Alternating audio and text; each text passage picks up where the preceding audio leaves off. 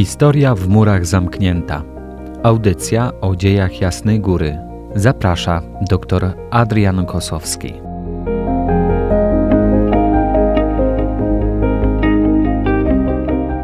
Zanim czas antenowy oddamy naszemu znawcy historii, to chciałbym tylko nadmienić, że dzisiejsze wydanie audycji historycznej będzie miało charakter okolicznościowy.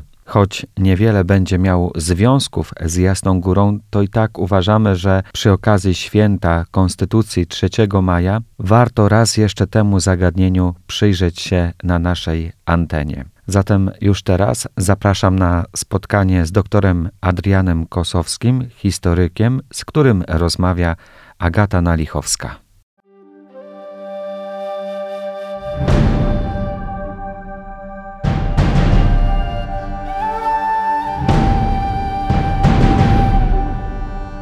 Szczęść Boże, dzień dobry, witam wszystkich słuchaczy. Panie Adrianie, dokładnie 231 lat temu, czyli 3 maja 1791 roku, Sejm Wielki uchwalił ustawę rządową, która przeszła do historii pod nazwą Konstytucji 3 maja. Dziś będziemy starali się przybliżyć, wyjaśnić może jak doszło do powstania tej najważniejszej reformy Sejmu czteroletniego. Przypomnę, że obradował on w latach 1788-1792.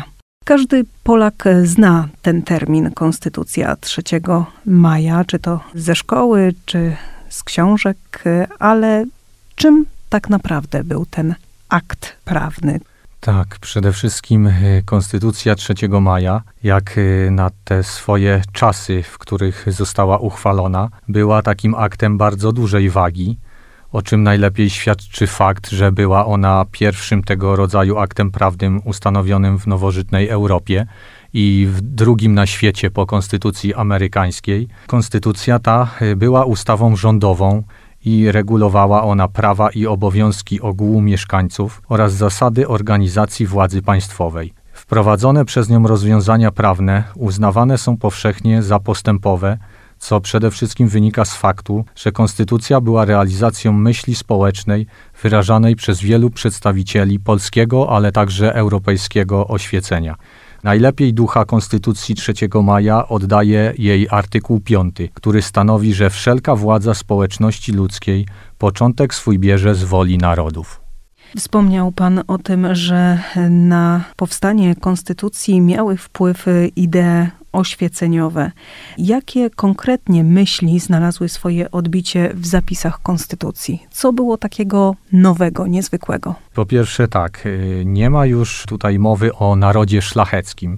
Twórcy konstytucji pod pojęciem narodu rozumieją już wszystkich mieszkańców Rzeczypospolitej, a więc nie tylko ten stan szlachecki, ale również ludność wiejską oraz y, mieszkańców miast. Tak rozumiany naród, suweren, jest źródłem władzy, co wpisuje się w koncepcję Jana Jakuba Russo. Natomiast jeżeli chodzi o organizację systemu rządów, to zrealizowano koncepcję trójpodziału władzy Monteskiusza na władzę ustawodawczą, wykonawczą i sądowniczą. Konstytucja ta zmieniała dotychczas obowiązujący ustrój w państwie, dotychczasową strukturę. W jaki sposób? Otóż stosunki społeczne nadal miały charakter stanowy, tak jak do tej pory, potwierdzono tutaj uprzywilejowane miejsce szlachty w państwie. Taka zmiana była, że praw politycznych została pozbawiona szlachta bez ziemi, czyli ta tak zwana gołota. Nowością natomiast było, że mieszczanie otrzymali prawa cywilne, podobne do takich, jakie miała szlachta, czyli na przykład mieli gwarantowaną nietykalność osobistą, mogli nabywać dobra ziemskie, obejmować szereg urzędów i godności, ale także należy pamiętać, że i chłopów y, rząd ogólnikowo tutaj obiecywał wziąć pod swoją opiekę prawną. Jeżeli chodzi o ustrój, to monarchia mieszana zamieniła się teraz w monarchię konstytucyjną, czyli konstytucja była tą nadrzędną ustawą, a przez wprowadzenie dziedziczności tronu Rzeczpospolita z monarchii z kolei elekcyjnej stawała się dziedziczną. Zlikwidowano również symbol upadku polskiego parlamentaryzmu, czyli to słynne liberum veto. Decyzje w Sejmie miały być podejmowane większością głosów. Tu mówimy już o efektach e, obrad e, Sejmu czteroletniego. A jak wyglądał sam proces e, tworzenia konstytucji? Jak doszło do tego momentu już podpisania? Można powiedzieć, że żeby udało się przeprowadzić i uchwalić tą konstytucję, prawda, była grupa stronnictwa patriotycznego, która działała tutaj silnie na tą rzecz. No i dokonywało się to w taki sposób y, troszkę potajemnie, można ująć, bo jak wiadomo, konstytucja miała oczywiście swoich przeciwników, tak, którzy bronili y, złotej wolności szlacheckiej i nie chcieli dopuścić, żeby ustanowić konstytucję, która będzie w takiej formie, jaką była właśnie konstytucja 3 maja. Jak e, słyszymy, dzięki reformom Sejmu Wielkiego, dzięki ustanowieniu konstytucji, nazwanej później Konstytucją 3 maja, państwo polsko-litewskie, Korona i Litwa miały powstać z tej dotychczasowej słabości, pozbyć się wpływu zaborców i na nowo dołączyć do grona nowoczesnych, sprawnie zarządzanych organizmów państwowych. Jakie miały być jeszcze skutki uchwalenia tej konstytucji? Najważniejszym skutkiem uchwalenia konstytucji miała być y, taka naprawa państwa przez wprowadzenie skutecznego zarządzania nim. I tutaj między innymi chociażby miało być zapewnienie płynności środków finansowych na rzecz utrzymania armii, która była niezbędna do skutecznej obrony granic.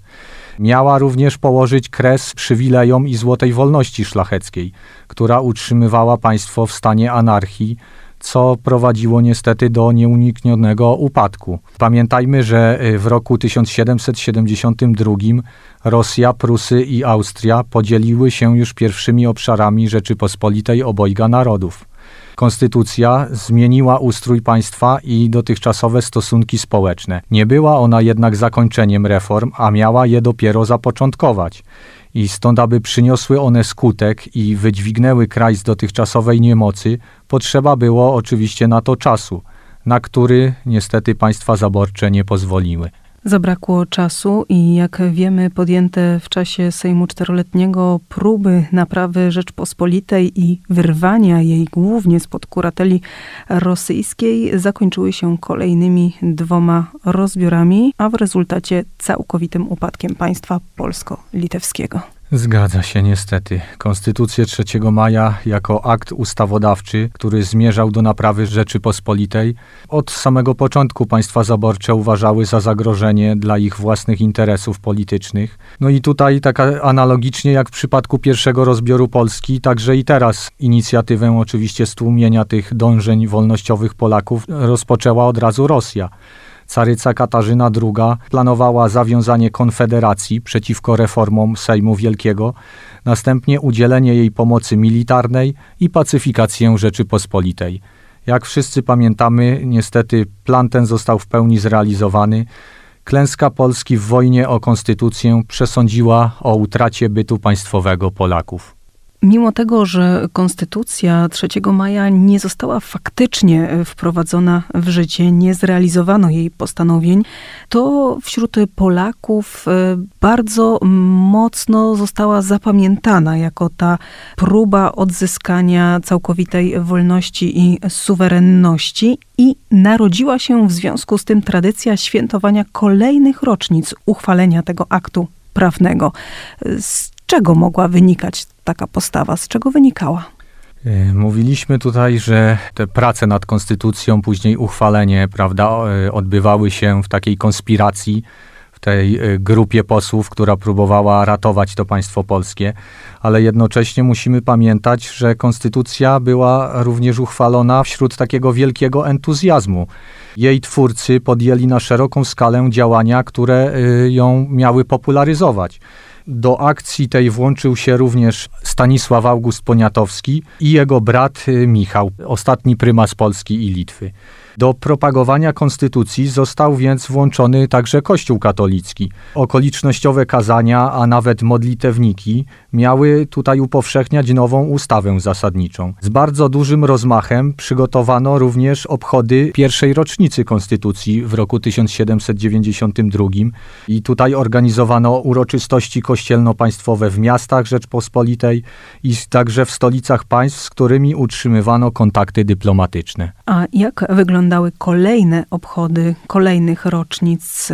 Czy możemy w ogóle mówić o takim świętowaniu po upadku Rzeczpospolitej obojga narodów? Zdaniem e, dwóch e, jej współautorów, e, a więc Ignacego Potockiego i Hugona Kołątaja, konstytucja była taką ostatnią wolą i testamentem gasnącej ojczyzny tak y, to ujęli. I jako próba ocalenia państwa polskiego przed całkowitym zatraceniem, stała się ona takim jednym z fundamentów polskiej państwowości, tak? A y, rocznica jej uchwalenia zawsze była taką dobrą okazją do manifestowania patriotyzmu i tożsamości narodowej. I to dotyczyło zarówno tutaj czasów wolnej Polski, jak i czasów zniewolenia w okresie zaborów. W okresie tutaj zaborów to świętowanie rocznicy było oczywiście zakazane i surowo karane, między innymi zsyłką na syberyjską katorgę. Dopiero y, w okresie I wojny światowej, kiedy w roku 1915 y, z ziem dawnego Królestwa Polskiego wycofały się wojska rosyjskie, wówczas stało się możliwe takie swobodne uczestniczenie w obchodach tego święta. I wraz z momentem odrodzenia się Polski w czasie II Rzeczpospolitej powstało, zostało ustanowione oficjalne święto Konstytucji 3 maja. Tak, y, już tutaj 29 kwietnia 1919 roku Sejm Ustawodawczy, a więc y, był to ten Sejm, który został powołany w celu uchwalenia Konstytucji odrodzonej Polski, podjął uchwałę o ustanowieniu dnia 3 maja świętem narodowym powieczne czasy. A jednak e, święto zostało oficjalnie zniesione przez władze komunistyczne. Tak, tutaj e, po II wojnie światowej e, święto Konstytucji 3 maja było tak stopniowo marginalizowane przez władze komunistyczne e, na rzecz święta pracy 1 maja, a także Dnia Zwycięstwa 9 maja. Ostatecznie władze zniosły święto ustawą z roku 1951. Było to spowodowane niepokojem władzy, przede wszystkim właśnie motywy patriotyczne, które przetrwały podczas trzeciomajowych uroczystości kościelnych. W tym wypadku, bo tutaj na tym polu pozostała ta możliwość, prawda, świętowania pamięci o, o Konstytucji 3 maja. I warto dlatego wspomnieć, że dzień 3 maja został także y, ustanowiony na prośbę polskich biskupów przez papieża właśnie w roku 1920, a więc już po odzyskaniu przez Polskę niepodległości, świętem Najświętszej Maryi Panny Królowej Polski. Uroczystość ta nawiązuje oczywiście do ważnych wydarzeń z historii Polski, takich jak obrona Jasnej Góry przed Szwedami w roku 1655, do ślubów króla Jana Kazimierza, ale także również do uchwalenia właśnie Konstytucji 3 maja. Święto wróciło do kalendarza oficjalnych tutaj rocznic dopiero po 1989 roku, a rok później Sejm ustanowił w dniu 3 maja święto już narodowe. Podsumowując, warto zaznaczyć, że święto narodowe 3 maja wraz y, ze świętem y, odzyskania przez Polskę niepodległości 11 listopada stanowią takie najważniejsze święta, które spinają klamrą okres y, niewoli narodowej pod zaborami. To, co nie udało się w roku 1791, te niespełnione wtedy nadzieje, upadek reform, które miała wprowadzić uchwalona ustawa rządowa z 3 maja, to zostało osiągnięte właśnie w roku 1918. Chociaż już y, oczywiście w innych okolicznościach i innej sytuacji, zarówno społecznej, jak i y, politycznej w Europie, która wynikała z zakończenia I wojny światowej.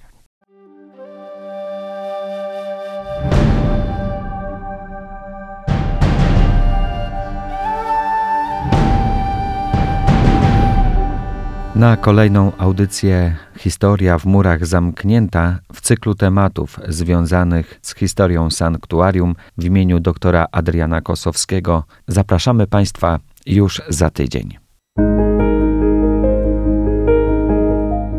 Historia w murach zamknięta. Audycja o dziejach Jasnej Góry. Zaprasza dr Adrian Kosowski.